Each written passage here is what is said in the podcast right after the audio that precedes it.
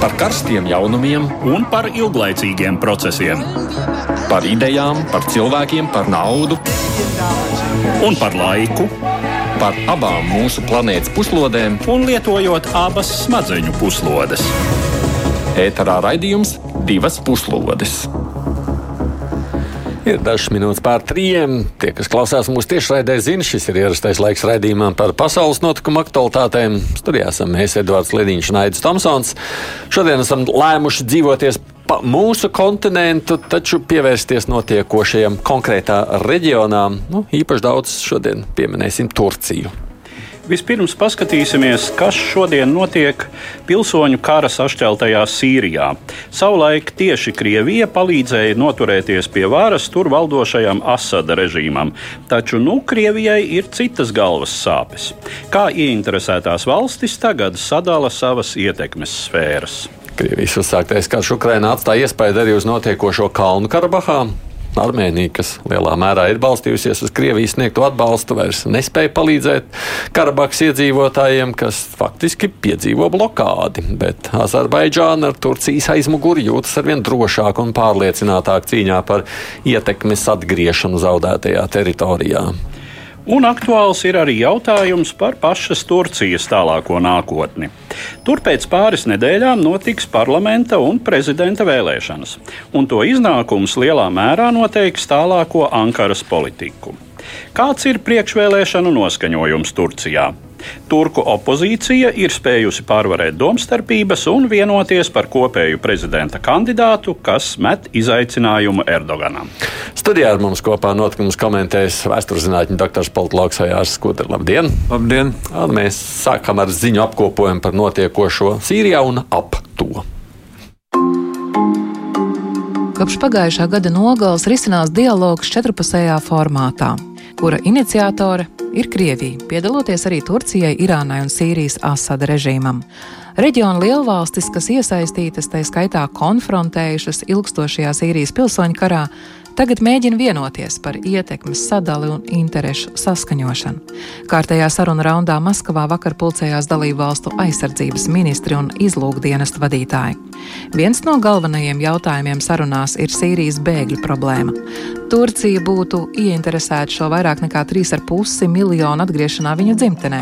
Savukārt Sīrija vēlētos, lai Turcijas bruņotie spēki atstāja to okupētos rajonus Sīrijas ziemeļos. No vienas puses, šodienas dialogu apgrūtina pagātnes bagāža. Tas, ka Turcija savulaik atklāti atbalstījusi pret Asada režīmu karojošos grupējumus. No otras puses, visus iesaistītos Sīrijas kontekstā vieno tas, ka tiem nepatīk amerikāņu joprojām pastāvošā klātbūtne šai konfliktā.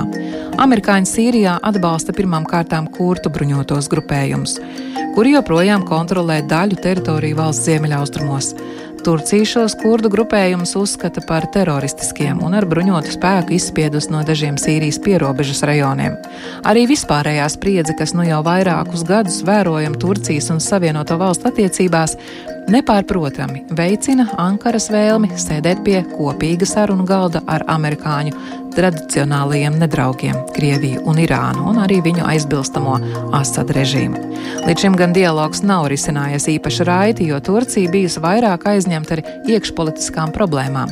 Šai ziņā izmaiņas varētu nest drīzumā gaidāmās Turcijas vēlēšanas. Tiek spekulēts par iespēju, ka Turcijas attiecību uzlabošanās ar Sīriju varētu pamudināt vēl kādas reģiona valstis kļūt labvēlīgākām pret Asada režīmu. Jau šobrīd šāds attiecību atpūsnis vērojams Sīrijas attiecībās ar Ēģipti un Saudarābiju.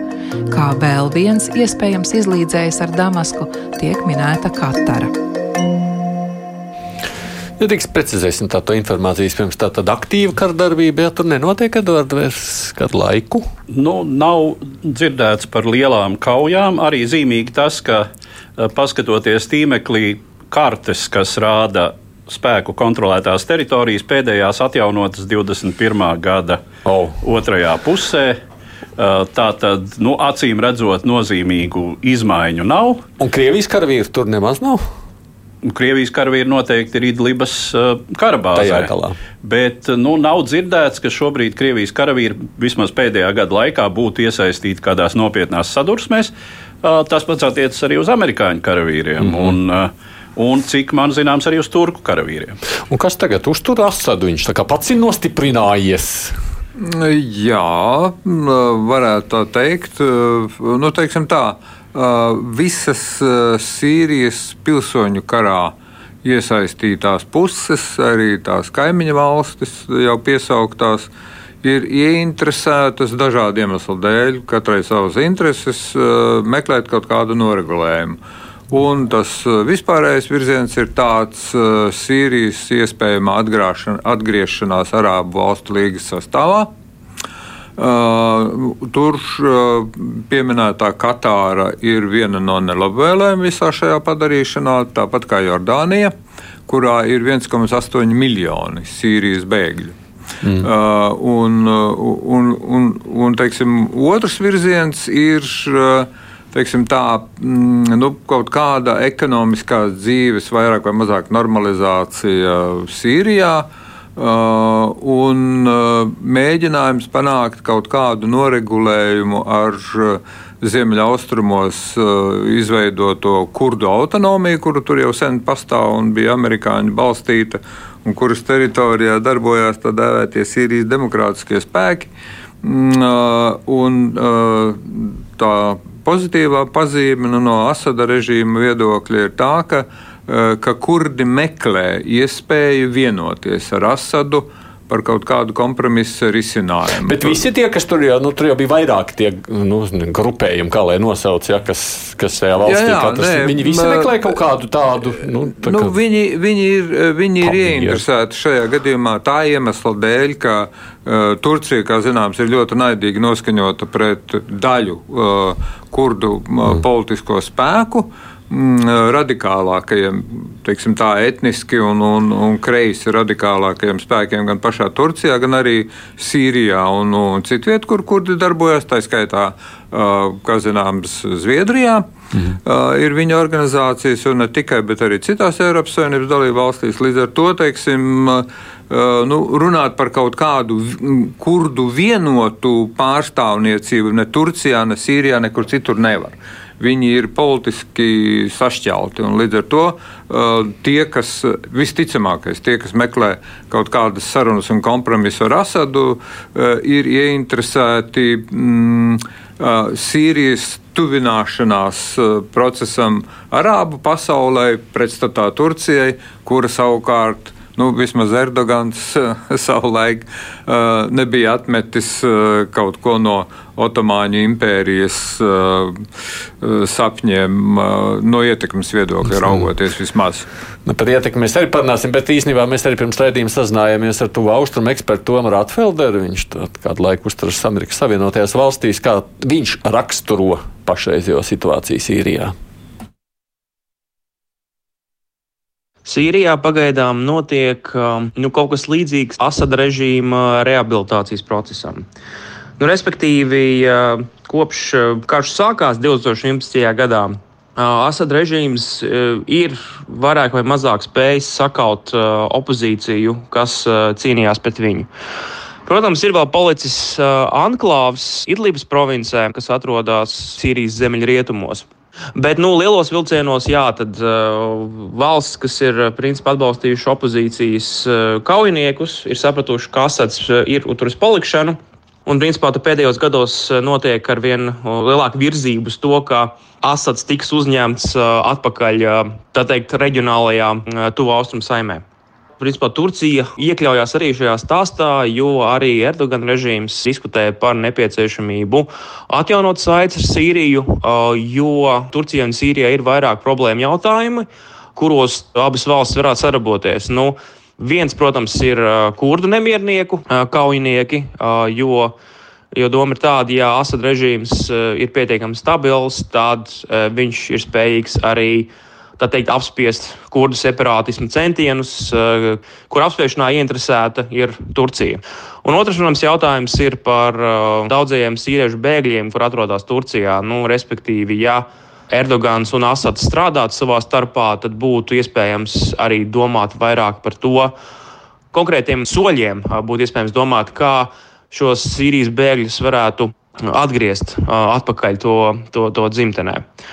Man liekas, eh, sanāk, šodien bija vēl tikšanās, kurā tikās Turcijas, ja nemaldos, Irānas un Krievijas aizsardzības ministrija un arī izlūkošanas amatpersonas kurās tieši bija tas jautājums pacelts nu, par to, kas būtu jāizdara, lai Erdogans un Asads atjaunotu kontaktus. Un uh, Asads pagaidām prasa to, lai uh, Erdogans principā izvestu savus karavīrus, uh, kurus viņš ir ievedis Ziemeļsīrijā, teiksim tā. Un, uh, tas būtu tas priekšnoteikums, lai Asads atkal sadarbotos ar Erdoganu. Uh, bet Erdogans, protams, saka, ka tas pagaidām ir nu, teikt, teikt, teikt no go, jo tas nozīmētu arī de facto kontrolis pār Turcijas-Sīrijas robežu atdošanu nezināmajā, kas, protams, Erdogana interesēs absolūti nav. Tas, kas notiek pagaidām Sīrijā un kāda ir tā loma, um, ir tas, ka notiek Asada rehabilitācija un tas, ka Turcija arī ir ieinteresēta šajā rehabilitācijas procesā piedalīties. Es neteiktu, ka Sīrija tiek sadalīta kaut kādās ietekmes sfērās, jo principā Sīrijas nu, kā neatkarīgas valsts suverenitāte ir beigusi pastāvēt nu, vismaz de facto līmenī. Ir uh, beigusi pastāvēt jau kopš pilsoņu kara sākuma 2011. gadā. Jo, nu, principā, notikums Sīrijā vairāk vai mazāk kontrolē starptautiskās lielvaras. Nu, mūsdienās tās ir trīs - Krievija, Irāna, Turcija. Tas arī atgriežas pie tā, ko es teicu pirmajā jautājumā, ka nu, Turcija ir viens no šiem atslēgas aktoriem, kur atbalsta Sīrijas opozīciju. Tieši konkrēti Sīrijas opozīcija Idlības provincē. Vajag dabūt uh, Turcijas piekrišanu, vajag dabūt jebkādam ilgtermiņa uh, risinājumam Sīrijas konfliktā. Bet atbildot uz jautājumu par sadalīšanu ietekmes sfērās, es, es neteiktu, jo principā šīs ietekmes sfēras vairāk vai mazāk ir bijušas uh, sadalītas jau, jau pirms tam. Ko jūs sakāt par šī ietekmi? Kāda ir tajā nu, katras valsts loma vai vēlme? Ne, es domāju, ka šajā gadījumā mums jārunā ne, tik daudz par to, ka tas politiski kaut kā tiesiski uz kaut kādu vienošanās bāzes tiktu fiksēts, kas kādā teritorijā par ko atbild un tā tālāk un joprojām. Tādas vienošanās pagaidām nav iespējams tā iemesla dēļ, ka de facto Sīrija ir sadalīta. Mhm. Uh, un, un, un skaidrs, ka tie kurdi, kas meklē iespējamo kompromisu ar uh, Asadu, prasīs autonomiju, prasīs kultūras autonomiju, prasīs kurdu valodas lietošanu uh, un, un vēl kaut ko acīm redzot. Uh, uh, attiecības ar kurdu reģioniem uh, Irākā un tam līdzīgi, kas attiecās uz, uz Asada pretiniekiem un, un turku sabiedrotajiem, tie ir izvietoti plašā koridorā, kuru uh, Sīrijas teritorijā joprojām kontrolē Turcijas bruņotie spēki. Un tur ir arī šīs bruņotās vienības. Uh, tā kā uh, skaidrs, ka um, Turcija būs ieinteresēta, lai vienojās ar uh, tām bruņotajām vienībām, nevis ar Turciju. Un nevis Turcija būtu tā, kur tur mm -hmm. uzņemsies kaut kādu atbildību. Uh, kas attiecas uz amerikāņiem, amerikāņi dodas projām lēnām, un, un, un, un tai prom došanās ir pretinieki kongresā, bet ir arī pie, piekritēji un atbalstītāji. Līdz ar to, cik ātri tie amerikāņi no turienes aizies pilnībā, to ir grūti pateikt, jo nu, tā situācija ir nestabila. Ja runājam par Irāku, Uh, bet it īpaši ņemot vērā Izraels un Irānas attiecības, uh, ņemot vērā pēdējos uh, sāsinājumus, tā skaitā Gazas sektors un, un Izraela tās apšaudas, kas tur notika, un, un, un Irānas iejaukšanās Libānā joprojām turpinās, un, un, un Irānas, Irānai simpatizējušas bruņotas vienības joprojām pastāv lielākajā daļā Asada kontrolētās Sīrijas teritorijas. Līdz ar to, var sakot, militāri, politiski Sīrija de facto ir sadalīta. Uh, kā to atrisināt konstitucionāli vai uz kaut kādas vienošanās pamata, es pat labi neredzu tādu iespēju. Jā, problēma Turcijai ir arī tā, ka um, tieši tā, nu, atdodot līdz šim Turcijas kontrolētās teritorijas atpakaļ Sīrijai, nu, kurai neatkarīgi no tā, kāds Damaskā ir režīms, no starptautisko tiesību viedokļa tās pieder. Tad, kur paliks šie bruņotie pusmilitārie, nu, paramil, param, para, paramilitārie formējumi, kas ir bijuši līdz šim tur Turcijas sabiedrotie, arī saistīti ar Turciju etniski. Tie ir tā sauktie turki turkmēņi, jeb ne, ne turkmēņi, viņus sauc par turkomāniem. Ja? Nu, tā tad Sīrijas pilsoņi, kam ir turku etniskā izcelsme. Uh, visa šī, viss šis kontingents ar lielu iespējamību tādā gadījumā pārcelsies uz Turciju, un tas Ankarai, protams, dara lielas bažas. Uh, tas ir viens. Un, protams, uz to visu skatoties, uh, domājot par Asada režīmu iespējamu noturību, nu, ir svarīgi, kā tad un ar kādiem līdzekļiem tiktu atjaunota tā Sīrijas ekonomiskā aktivitāte un kaut kāds ekonomiskais, sociālais līdzsvars Sīrijā. Nu, viena uh, iespēja, respektīvi tas, ka Krievija tur varētu šobrīd kaut ko nopietni ieguldīt, skaidrs, ka Krievijai līdzekļu nav.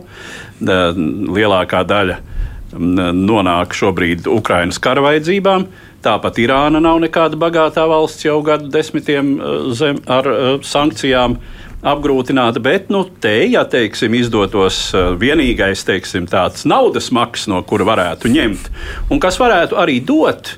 Īpaši neskatoties uz to, kāds režīms ir Damaskā pie varas, tās ir Persijas līča bagātās arābu valstis, kuras demokrātisko vērtību ievērošana atšķirībā no Eiropas un Amerikas neuztrauc. Hmm. Bet, ja, ja, ja tomēr pavisam īsi, es negribu gari vēl palikt pie šī, bet skatoties, tad, ko tad Turcija, ko grib Krievija, ko grib Irāna? Viņi grib tā kā, nu, lai, lai Asads nostiprinātu, jeb atjaunotu ietekmi pār maksimālu teritoriju. Tā? Nē, es, es domāju, ka šajā gadījumā uh, tas, ir, tas ir jautājums par to, uh, cik lielā mērā Un tas ir arī jautājums Asadam un viņa piekritējiem. Cik lielā mērā viņš ir spējīgs nepieļaut, eh, kā ar viņu rīkojas kā ar instrumentu attiecībās eh, ar Izrēlu un, un Libānu. Tas no vienas puses. Tas, tas ir tas, kas raizētu visvairāk tas, Irānu. Tas ir, tas ir tas, kas interesē Irānu okay. un kas interesē Turciju. Un, protams, interesē Krieviju. Mm -hmm. kas attiecās uz Arābu valstīm. Arābu valstis, kā jau teicu, viņas ir ieinteresētas paņemt Sīriju atpakaļ pie sevis Arābu valstu līgā, kurā nav Turcijas un nav Irānas. Līdz ar to var sakot, nu, šeit ir runa par teiksim, tā, vietējo vidēji lielo varu vēlēšanos pārdalīt ietekmes sfēras. Nu, un, jautājums ir, kurā pusē, kurā virzienā tad Asats ar saviem piekritējiem būs vai nebūs spējīgs ņemot vērā Krievijas, Turcijas un, un, un Irānas ietekmes uh, nostāties. Jā, bet šis fons sevišķi kopš zināmās vienošanās starp Saudārābiju un Irānu ir kļuvis labvēlīgāks tam, ka tur reģiona ietvaros var daudz vienkāršāk sarunāt, vienoties. Mm. Bez, bez iespējamas tīri militāras atkal, konfrontācijas. Dodoties uz priekšu, divas no valstīm, par kurām ietekmi mēs runājam, Sīrijā, ir jāpiemina arī saistībā ar Kalnu Karabahu un to, ko tas nes Armēnijai un Azerbaidžānai. Arī te nevar aizmirst ne Krieviju, ne Turciju. 2020. gada rudenī Azerbaidžānas bruņotie spēki īstenoja sekmīgu ofensīvu valsts rietumdaļā, atgūstot lielu daļu teritoriju, kuras kopš pagājušā gadsimta 90. gadiem kontrolē armēņu spēki. Starptautiski neatzītā Arcahas republika, jeb Kalnu Karabaha, armēņu kompakti apdzīvots reģions, kas padomu periodā bija autonoma republika Azerbaidžānas PSR sastāvā, tika izolēts no Armēnijas pamatteritorijas. Saskaņā ar vienošanos par uguns pārtraukšanu, kuru 2020. gada novembrī parakstīja Armēnijas prezidents Pašiņjans, Azerbaidžāns prezidents Alijevs un Krievijas prezidents Putins, tika garantēta transporta pārvietošanās pa autoceļu, kas savieno Kalnu Karabahu ar Armēniju. Trasē piegļošā teritorija, dēvēta par Lačinas koridoru, tika nodota Krievijas miera uzturēšanas spēku kontrolē. Taču pagājušā gada decembra vidū šo sakaru artēriju bloķēja Azerbaidžāna civiliedzīvotāju grupas, kas sevi dēvēja par vides aktīvistiem. Viņu deklarētais motīvs bija nepieļaut, ka no Kalnu Karabahas uz Armēniju tiktu izvesti tur iegūtie derīgie izrakteņi. Notikumu vietās bija klāt arī Azerbaidžānas valsts mediju pārstāvi. Krievijas kontingenta karēji praktiski nepretojās autoceļu bloķēšanai. Rezultātā apmēram 120 tūkstoši Arcahas republikas iedzīvotāji nonāca izolācijā un jau drīz sāk izjust dažādu preču deficītu. Janvāra vidū republikas vadība ieviesa vairāku pārtikas produktu normēšanu. Medikamentu un citu materiālu trūkumu dēļ smaga situācija izveidojās veselības aprūpē. Pieaugot starptautiskās sabiedrības satraukumam par blokādu un tās sekām, Azerbaidžānas puse intensīvi izplatīja dažādas notikušā versijas, citas starpā apgalvojot, ka patiesībā autoceļu bloķējot Krievijas miera uzturētāji, ka tā saucamie vides aktīvisti ļaujot brīvi pārvietoties humanās palīdzības kravām, un kā Azerbaidžānas valdība gatava nodrošināt Kalnu Karabahas vajadzības. Tomēr pagājušie mēneši rāda gluži citu ainu. Ceļu bloķētāji ļauj izbraukt tikai Krievijas militārā kontingenta un sarkanā krusta valsta transportam. Kopš decembra tiek traucēta arī dabas gāzes un elektroenerģijas piegāde no Armēnijas. Tas viss liek raksturot situāciju ar Cahas republikā kā uz humanās katastrofas sliekšņa esošu. Apvienoto nāciju tiesas spriedums, kas liek Azerbaidžānai nodrošināt brīvu kustību cauri Lačinas koridoram, kā arī attiecīgas Eiroparlamenta rezolūcijas, tiek ignorētas. Bakūvāra norobežojas no notiekošā, uzstājot, ka trases bloķēšana ir nevalstisku aktīvistu pasākums. Tas ir ļoti apšaubāms apgalvojums, kaut vai tādēļ, ka Lačinas koridora rajonā iespējams nokļūt tikai ar īpašu Azerbaidžānas drošības iestāžu atļauju, kuru starp citu nesaņem arī ārvalstu un neatkarīgie Azerbaidžānu žurnālisti.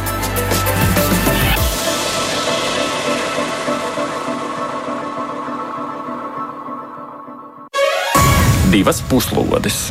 Es atgādīju, studijā bez mums ar Eduardu arī politologs, vēstures zinātņu doktors Ejārs Kudra. Uh, Edvards, Maz labojums uh, ievadu tekstam. Uh, es esmu uzrakstījis tur, ka, um, Armēn, ka Pašiņāns ir Armēnijas prezidents, viņš ir premjerministrs. bet, bet valsts vadītājs. Prezidentam tur nav īpaši daudz vairs. Bet es arī domāju par šo savukārt to situāciju, klausoties to ierakstu, domāju, tā tad viņi iesāk ar ieročiem Azerbaidžānas, domāju, vai ne? Tad tur pēc tādas plašākas starptautiskās sabiedrības uzmanības parakstīt 13. vienošanos par uguns pārtraukšanu. Nu, tad tagad, saprotu, sekmīgāk mēģina turpināt centienus pakļaut ar tādiem slēptākiem līdzekļiem. Tā to varētu raksturot. Nu, jā, tieši tā. Šo šo tā saucamo vides aktīvistu darbošanās tur uh, ir uh, novērtēta daudz vietā jau kā hibrīda operācija, un tā tas arī izskatās. Uh, pēc tām ziņām, kuras uh, no turienes pienāk, nu, Uh, starp šiem tā mazliet baumu līmenī, bet nu, tās ir atsliecinieku liecības. Starp tā sauktajiem vides aizstāvjiem ir piemēram dāmas dabīgajos kažokos, Uh, jā, un vispār neviens no šiem ļaudīm, kas tur uzturas, um, un joprojām viņi tur ir un bloķē šo ceļu un uh, rīko piketus, nav agrāk manīts Azerbaidžānā nodarbojoties ar vides aizsardzību, mm. jebkādā veidā. Uh, un ir, nu, ir aizdomas, ka tas tomēr ir organizēts un ir organizēts ar valdības ziņu. Uh, un uh, kā tur notiek, ka agrāk ir bijuši diezgan masveidīgi iesaistīti uh, valsts iestāžu darbinieki, um, militāra personas pārģērbtas, bijušās militāra personas. Tad tur ir uh, iespējams dažu uh, radikālu organizāciju pārstāvi, tiek minēts. Uh, Turcijā zināmās organizācijas, radikāli nacionālistiskās, nu, droši vien droši var teikt, ka fašistiskas organizācijas, pelēkie vilki, uh, Azerbaidžānas atzars. Mm.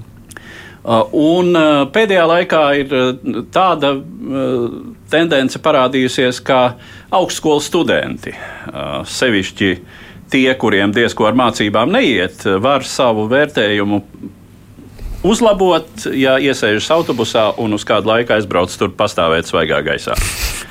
Kā jūs rakstot, Skudrškungs, to, kas šobrīd tur notiek? Nu, eh, es liecos piekrist, eh, atsaukšos eh, uz, uz autoru. mm, kas strādā Carnegie fondā, Kirillis Krivošejevs. Nu, viņš to pašreizējo Karabahas situāciju ir nosaucis par mm, nerva likvidēšanu. Uh, un ideja ļoti īsi, konspektīvi ir sekojoša.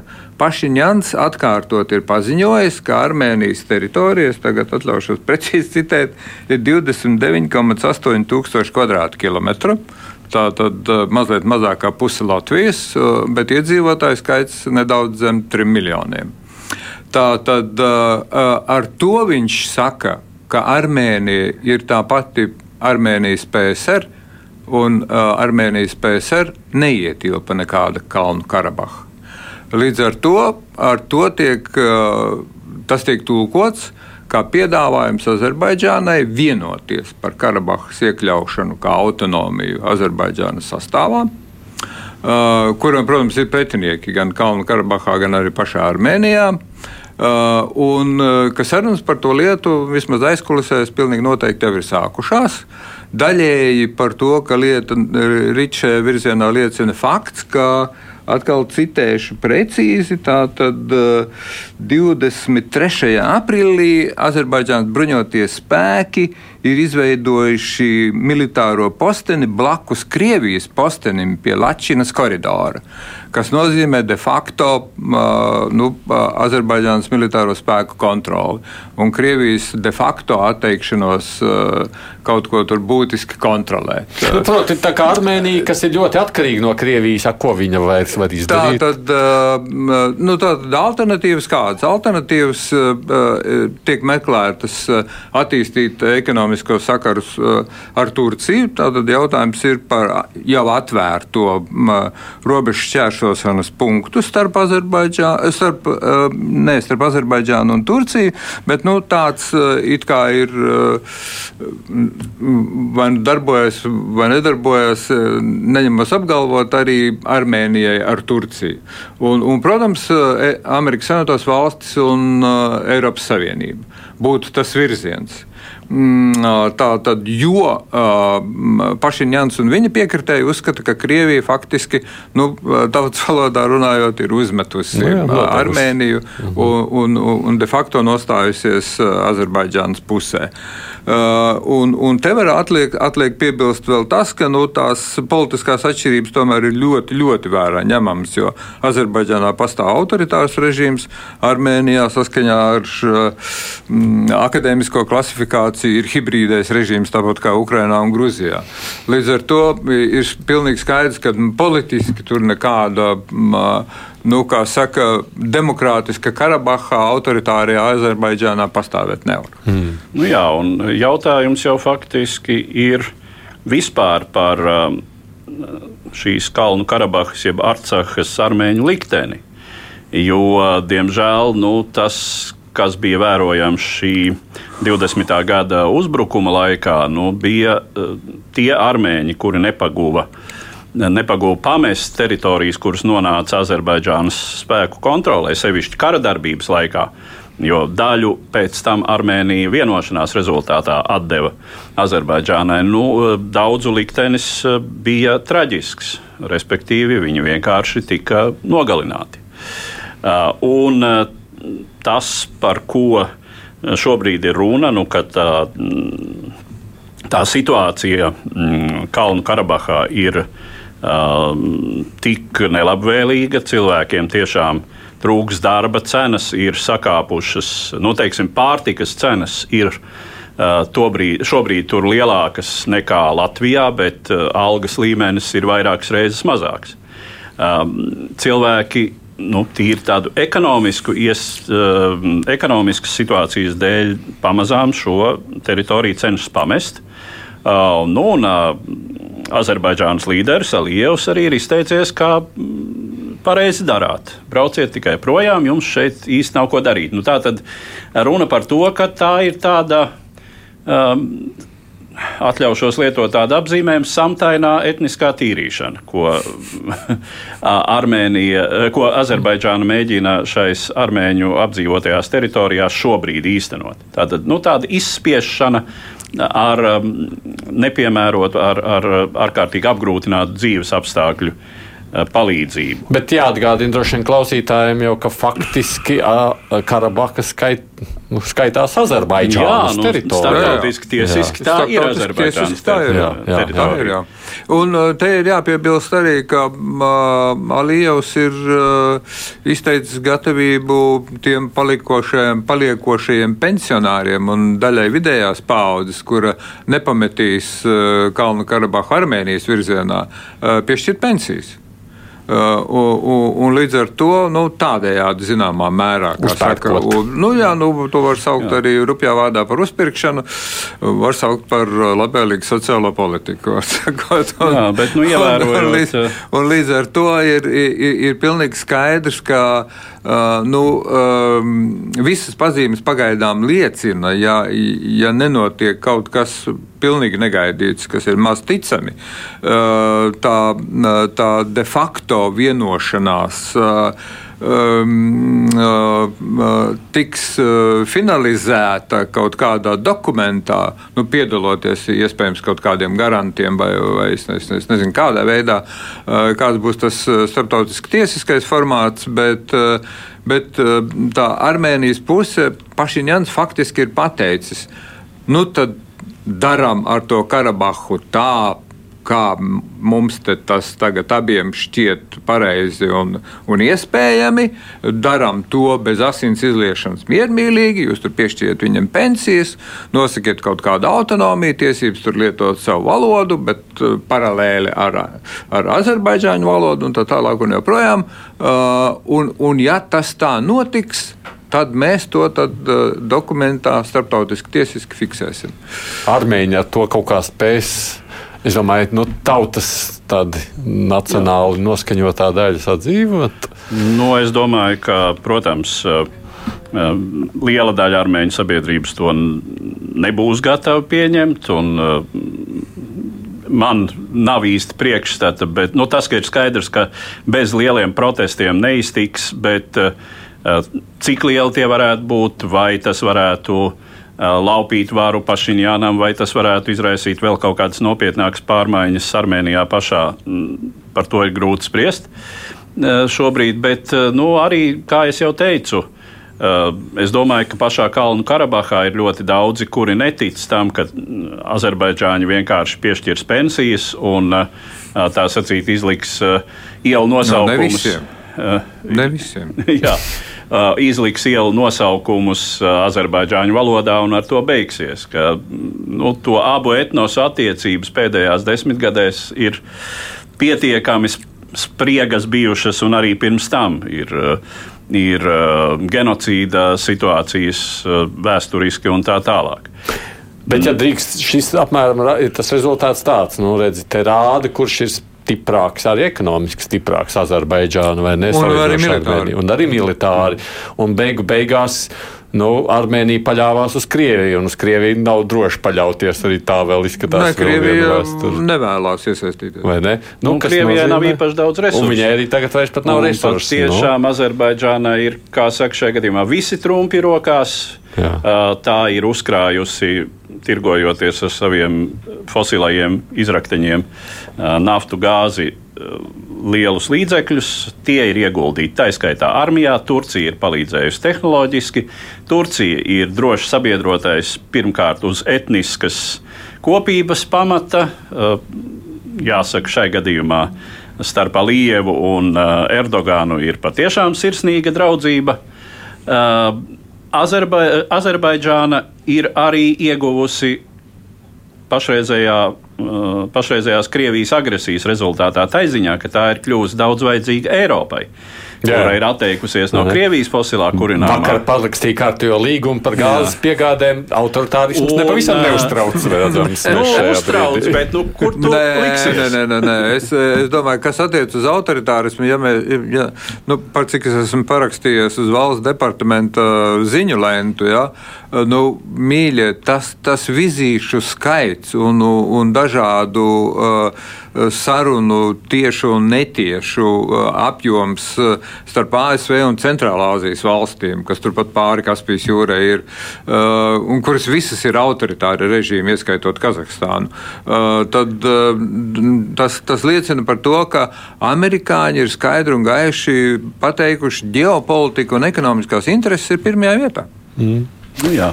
un uh, Azerbaidžāna ir kļuvusi daudz vajadzīgāka arī Krievijai, uh, jo tā ir. Tieši no tā ir pa vidu starp Krieviju un Irānu, tagad kļūstot daudz ciešākām Krievijas attiecībām ar Irānu, tas, lai Azerbaidžāna neliektu tranzītu, neliektu sakarus, ievērojot arī Krievijas mm. ierobežotās iespējas izmantot globālo gaisa telpu lidojumiem. Mm. Tas viss ir Krievijai ļoti svarīgi.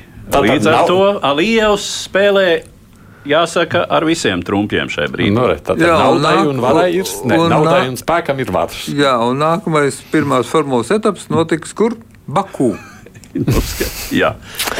Nu, jā, nu, vienīgais tā labā ziņa varētu jā. būt tādā ziņā, ka varbūt ar visu šo konflikts, tomēr, par ko mēs te gadu desmitiem runājam, kā neatrisinām, varētu nu, šādi, nu, bet tādi. Bet jā, nu mēs vēl varētu teikt, ka gadu desmitiem un varbūt pat simtiem brieduši konflikti reizēm atrisinās. Šādi jautājums ir uz kā rēķina. Nu, mēs jau varam teikt, ka Sudētijas vāciešu problēma tika atrisināta tādā veidā, ka viņi tika mm. no turienes vienkārši brutāli. Tā izskaitā slepkavojot un uh, īstenojot citu vardarbību, cita veida vardarbību, no turienes padzīti, piemēram, jā, bet, dzīvojuši bet, tur simtiem gadu. Bet, bet tur jau ir tas variants, ko, kurā pirkstā grib visi sāp, vai ne? No vieniem Nē, nu, teritoriju, vieniem tautību. Jā, jā, bet, bet, bet šajā gadījumā es teikšu tā, ka, ka teiksim, nu, ir starptautiskās attiecībās tāda skola, ko sauc par reālismu. Nu, Pašiņjans no reālisma politikas viedokļa raugoties, nu, nav tai Karabahai tādas vērtības, lai tās dēļ sāktu jaunu karu, kurā nav nekādu cerību uzvarēt Azerbaidžānu. Nu, ja nav tādas alternatīvas, tad ir cita alternatīva. Un šī alternatīva jācenšas maksimāli panākt Armēnijai labvēlīgāku risinājumu saistībā ar to Kalnu Karabahu, bet nu, atrisināt viņu tad šajā sarunu ceļā. Un tur jau būtu tālāka perspektīva, par ko citā reizē runāsim, kas arī ir interesanti skatoties. Bet mēs esam diezgan pieminējuši šajās dienās, šajā reizē Turciju. Tās politika taču lielā mērā būs arī atkarīga no tuvāko nedēļu notikumiem. Tāpēc nu, tagad pievēršamies vairāk pašai Turcijai. 14. maijā paredzētās vēlēšanas Turcijā, kad elektorāts piešķirs mandātus 600 parlamenta deputātu un notiks Turcijas prezidenta vēlēšana pirmā kārta, resursu politiko nodēvējas par 2023. gada globāli svarīgākajām vēlēšanām. Pašreizējā starptautiskajā situācijā Turcija izrādījusies nozīmīgi iesaistīta daudzos procesos. Tāpēc ar varas situāciju Ankarā saistās kā bažas, tā cerības. Ja savā vietā paliks līdzinējais prezidents Radžips Tājevs Erdogans, viņš ļoti iespējams centīsies bīdīt valsti vēl tālāk konservatīvā islāma vērtību virzienā iekšpolitiski, ārpolitikā agresīvi apliecinot reģionālās lielvalsts statusu un netiecoties pēc sadarbības ar rietumu demokrātijām. Ja savukārt viņa vietu ieņems galvenais sāncensis, republikāniskās tautas partijas līderis Kemals Kiličs Daroglu, var prognozēt Turcijas centienus aktivizēt dialogu ar Eiropas Savienību un attiecību uzlabošanos ar Savienotajām valstīm.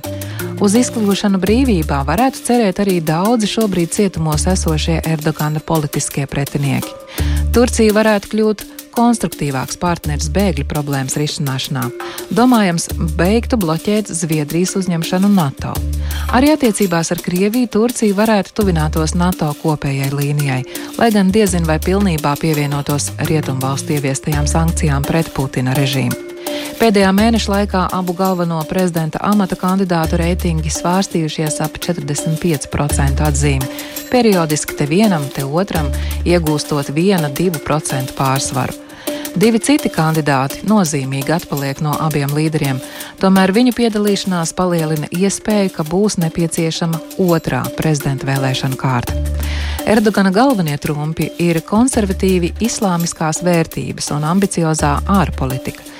Savukārt klupšanas akmens viņam var izrādīties vājie ekonomikas rādītāji, un valdības nepārliecinošais veikums februārī notikušās zemestrīces seku novēršanā. Parlamenta vēlēšanās arī nozīmīgākie pretendenti ir attiecīgi Erdogana un Kiliča Daroglu vadītie bloki - Tautas alianse un Nacionālā alianse. Tautas alianses lielākais spēks ir Erdogana vadītā taisnīguma un attīstības partija. Tās nozīmīgākais partneris galēji labējā ultranacionalistiskā nacionālistu kustības partija. Līdzīga kombinācija ir Nacionālajā aliansē, kuru Kiličs Daroglu republikāniskās tautas partija veido ar labo partiju, mēra nacionalistisku spēku. Bez nosauktajām četrām reāli iespēja iekļūt parlamentā, pārvarot 7% barjeru, ir vēl arī kreiso zaļo partijai, kuru kopā ar vairākiem citiem kreisajiem spēkiem veido darba un brīvības aliansi. Un tāds ieskats tajā kopējā ainā. Kurš tad beig beigās noteiks, Kudrs kungs, tos vēlēšanu rezultātus? Kurš uzvarēs? Kas būs tas? Nu, eh, ir, ir ļoti grūti pateikt. Eh, mm, tā teikt, eh, pat labāk tās izredzes ir viens pret vienu. Ja, ja spriežam pēc aptauju rezultātiem tikai aprīlī, tad teiksim, tās, tās pēdējās aptaujas liecina piemēram, 15. un 20. aprīļa aptauja 17,400 aptaujāto uh, Erdoganam 51,4%. Viņš uzvar pirmajā kārtā. Uh, 12, 19. un 22. aprīļa aptauja, kas ir pēdējā jaunākā, man pieejamā, uh, uzvar. Uh, Kiličs Daroglu 49,3%. Tā ir otrā kārta. Hmm. Un, un otrajā kārtā nevajag savākt 50. Plus, kā pirmajā kārtā, pietiek ar relatīvo vairākumu. Mm -hmm. nu, tā kā izredzes ir, ir abiem pat. Bet kas nu, ir tas svarīgākais turkiem, tavuprāt? Nu, turkiem, kā jebkurā sabiedrībā, no vienas puses svarīgākās ir, protams, ekonomiskās problēmas, sociālā situācija. Uh, un uh, te ir arī šis uh, dabas stihijas eh, moments, jā, tā tad sekas, kas ir no notikušās zemestrīces.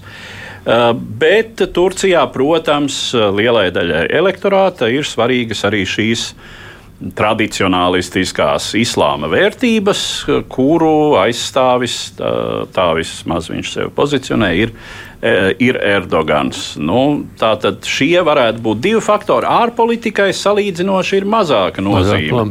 Ja mums jau Latvijā pieņemsim, nu, kas mēs par Ukrainu uztrauktos par Krieviju, mums tam būtu svarīga nozīme. Man liekas, mēs daudz sakām, ai, mēs labāk pacietīsim, bet tam ir nozīme. Tā tad mm, ir trīs iespējamie iznākumi.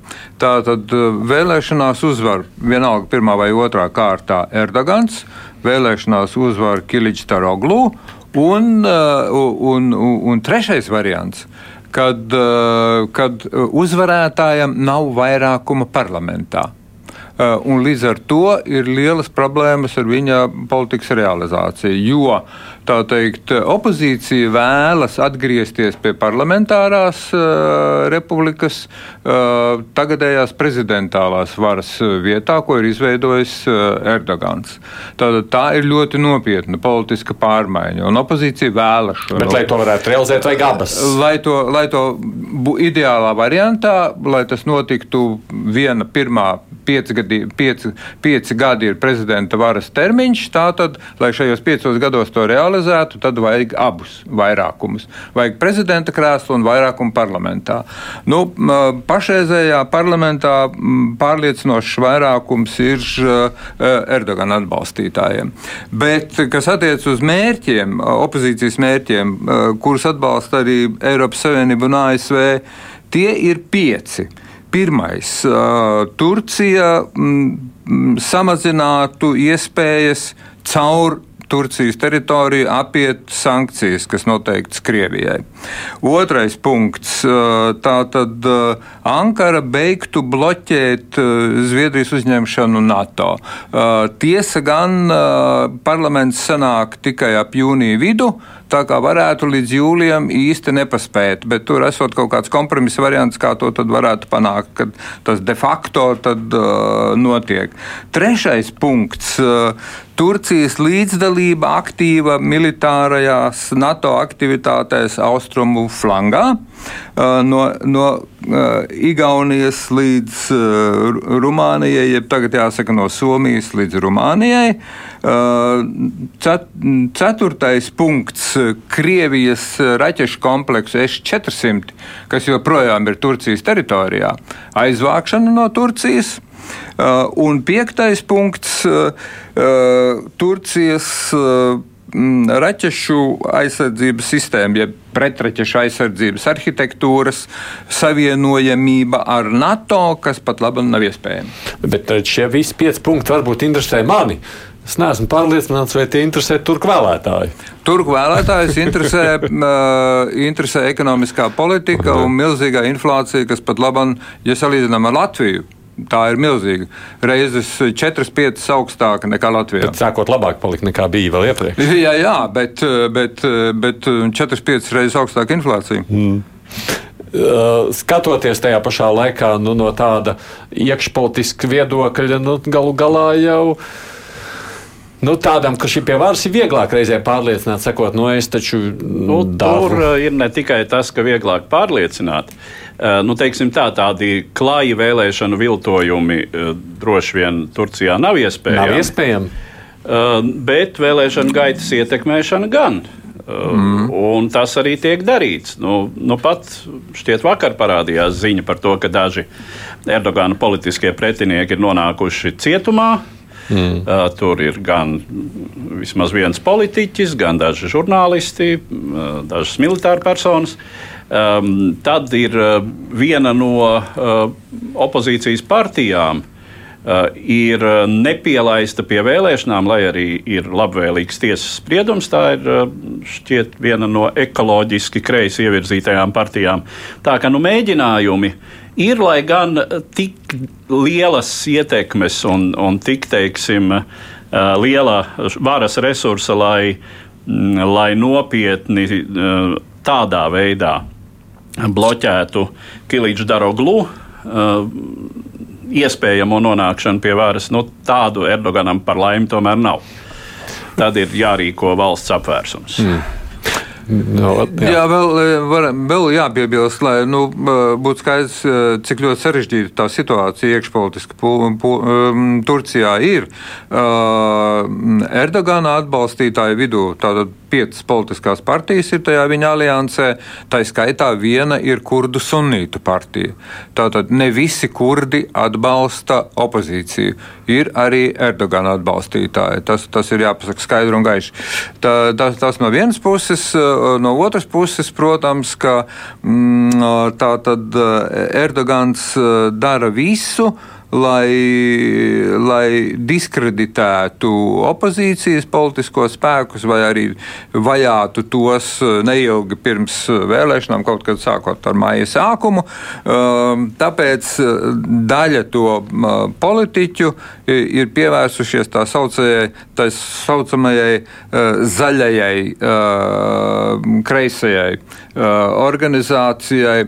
Un, un, kā saka novērotāji, nu, turku vēlētājiem, ir tīpaši lauku reģionos, kur tomēr liela daļa viņu dzīvo, varētu būt grūtības saprast, par ko īsti balsot. Jo, jo tas ir tīpaši parlamentu vēlēšanās, kas ir tas svarīgais mm. faktors arī. Jo teiksim, tas, tas, tas saraksts ir, ir, ir ļoti, ļoti iespaidīgs. Nu, es piebildīšu tikai, ka tajā sarakstā ir trīs komunistiskās partijas. Jā, tur, ir, tur ir ļoti plašs spektrs. Bet uh, tu arī pieminēji tādu arestēto žurnālistu, bet vispār par mediju presi pēdējos gados taču mēs daudz dzirdam, vai ne, ka žurnālisti nonāk cietumā un tam līdzīgi. Cik vispār Turcijas vēlētāji var rēķināties ar tādu, nu, tādu informācijas brīvu pieeju, lai viņi var izdarīt lēmumu? Nu, droši vien, ka uh, tur drīzāk nav, nav runa par to, ka informācija nebūtu pieejama, bet par to, ka uh, jā, nu, notiek uh, no uh, varai lojālo mēdīju puses notiek smadzeņu skalošana, notiek propaganda. Un, to jau mēs vērojām arī līdz šim, ka nu, kaut vai teiksim, tie priekšvēlēšanu klipi, kas ir nu, nu, tādi, kādus tomēr pie mums Kas tur tajos klipos? Nu, tāda, tā, tā visa tā dramaturgija, kā tikai mūsu prezidents var mūs saliedēt, mm -hmm. tā lai mēs vispār pastāvētu, tā lai naidnieks mūs. Tā sacīt, iekšējais, acīm redzot, arī dzen, mūs uh, nesagrautu un tā tālāk. Nu, tāda spiešana uz tādām arī, arī nacionālistiskām, uh, izteikti nacionālistiskām, nu, nevelti, ka uh, arī šī alianses partnerpartija uh, Erdogana partijai. Nu, tā ir izteikti radikāli mm. nacionālistiska mm. partija. Uh, ir vēl, ir vēl radik, radikālākas, mm. bet tās ir vēl tālāk uh, spektrā un droši vien parlamentā neiekļūs.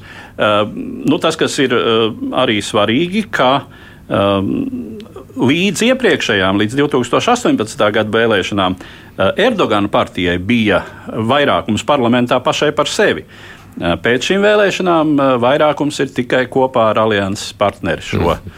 labēju radikālo koalīciju partiju. Bet skatoties tādā gadījumā, kopumā mēs varam sacīt, ka mēs tajā 14. maijā zināsim noteikti parlamentu, bet par prezidentu jau mēs nezinām, vai mēs zināsim. Mm, nu, varam uzzināt, ja izrādīsies, ka 50 plus 1 balss ir tajā pirmajā kārtā. Cik tas ir? Tas, jā. tas pēc, spriežot pēc aptaujām, tas, tā, tā iespējamība ir, ir ļoti, ļoti realistiska, ka tās vēlēšanas var beigties jau pirmajā kārtā, prezidenta vēlēšanas. Jā. Jā. Jo, jo tie pārējie divi kandidāti patiešām jā, jā. ir maznozīmīgi. Kāpēc viņi tur vispār ir? Jāprasa. nu, viņi, viņi, pār, viņi tāpat pārstāv. Ja valstī ir ne kopējais partiju skaits, tur ir diezgan daudzos desmitos, bet nu, tās, kas šobrīd kvalificējas vēlēšanām, laikam ir pēc skaita 34 vai 35, un, un tad šķiet, ka kādi 24 saraksti piedalīsies vēlēšanās. Nu. Un no šāda skatu punkta tas tomēr ir taču laikam milzīgs tāds nu, nezinu, politiskās opozīcijas sasniegums, ja tik daudz sīku partiju spēja vienoties par atbalstu vienam. Nu, tā tā, tā piesardzīgā piebilde ir tāda, viņus vieno viens vienīgais punkts - dabūt Erdoganu nost no prezidenta krēsla, kas attiecās uz darbošanos parlamentā, iekšpolitiski un ārpolitiski, ir ļoti lielas pretrunas. Un, un, un, un tas parādīsies jau veidojot valdību. Un, un līdz ar to teiksim, nu, arī pats Kiličs Daroglu ir diezgan piesardzīgi izteicies jautājumā par kurdiem, jautājumā par Zviedrijas uzņemšanu NATO un tā tālāk. Un joprojām Tur tā bez noteikumiem nekas nenotiks, ne iekšpolitiski, ne ārpolitiski. Uh, tāpēc tas, uh, tas vienojošais punkts, galvenais, kas viņus satur kopā, ir dabūt nost Erdoganu. Uh, viceprezidenta postenis tiek piesolīts vismaz mēdījos Ekremam Imam Oglu, kas ir Stambulas mērs un kļuva par Stambulas mēru 19. gadā. Kam pateicoties? Pateicoties kurdu atbalstam. Mm. Nu, jebkurā gadījumā ir skaidrs, ka, oh, jā, oh, oh, jā, Eduard, pat, pat šo būs jārunā. Jā, skudrām arī paldies, protams, vēstures zinātņu doktors Plotloks. Jā, skudra bija mums šeit raidījumā, Eduard, nāks vēlēšanas. Man šķiet, ka es tajā laikā nebūšu studijā, bet jums būs daudz jārunā noteikti par to, kas tur sanāks. Tad arī runāsim. Jo es saprotu, ka, lai arī kāds tur būtu tas rezultāts, pēc vēlēšanām tur būs pietiekoši daudz emocijas un, un dalīšanas, lai tur būtu arī daudz ko analizēt. Kā jau parasti arī studijā šeit bija Aits Tomsons, producē mums raidījumu Evijunām, tātad tiekamies mēs, protams, atkal pēc nedēļas, sekojam līdz aktuālajām un tad runājam divās puslodēs par to. Divas puslodes.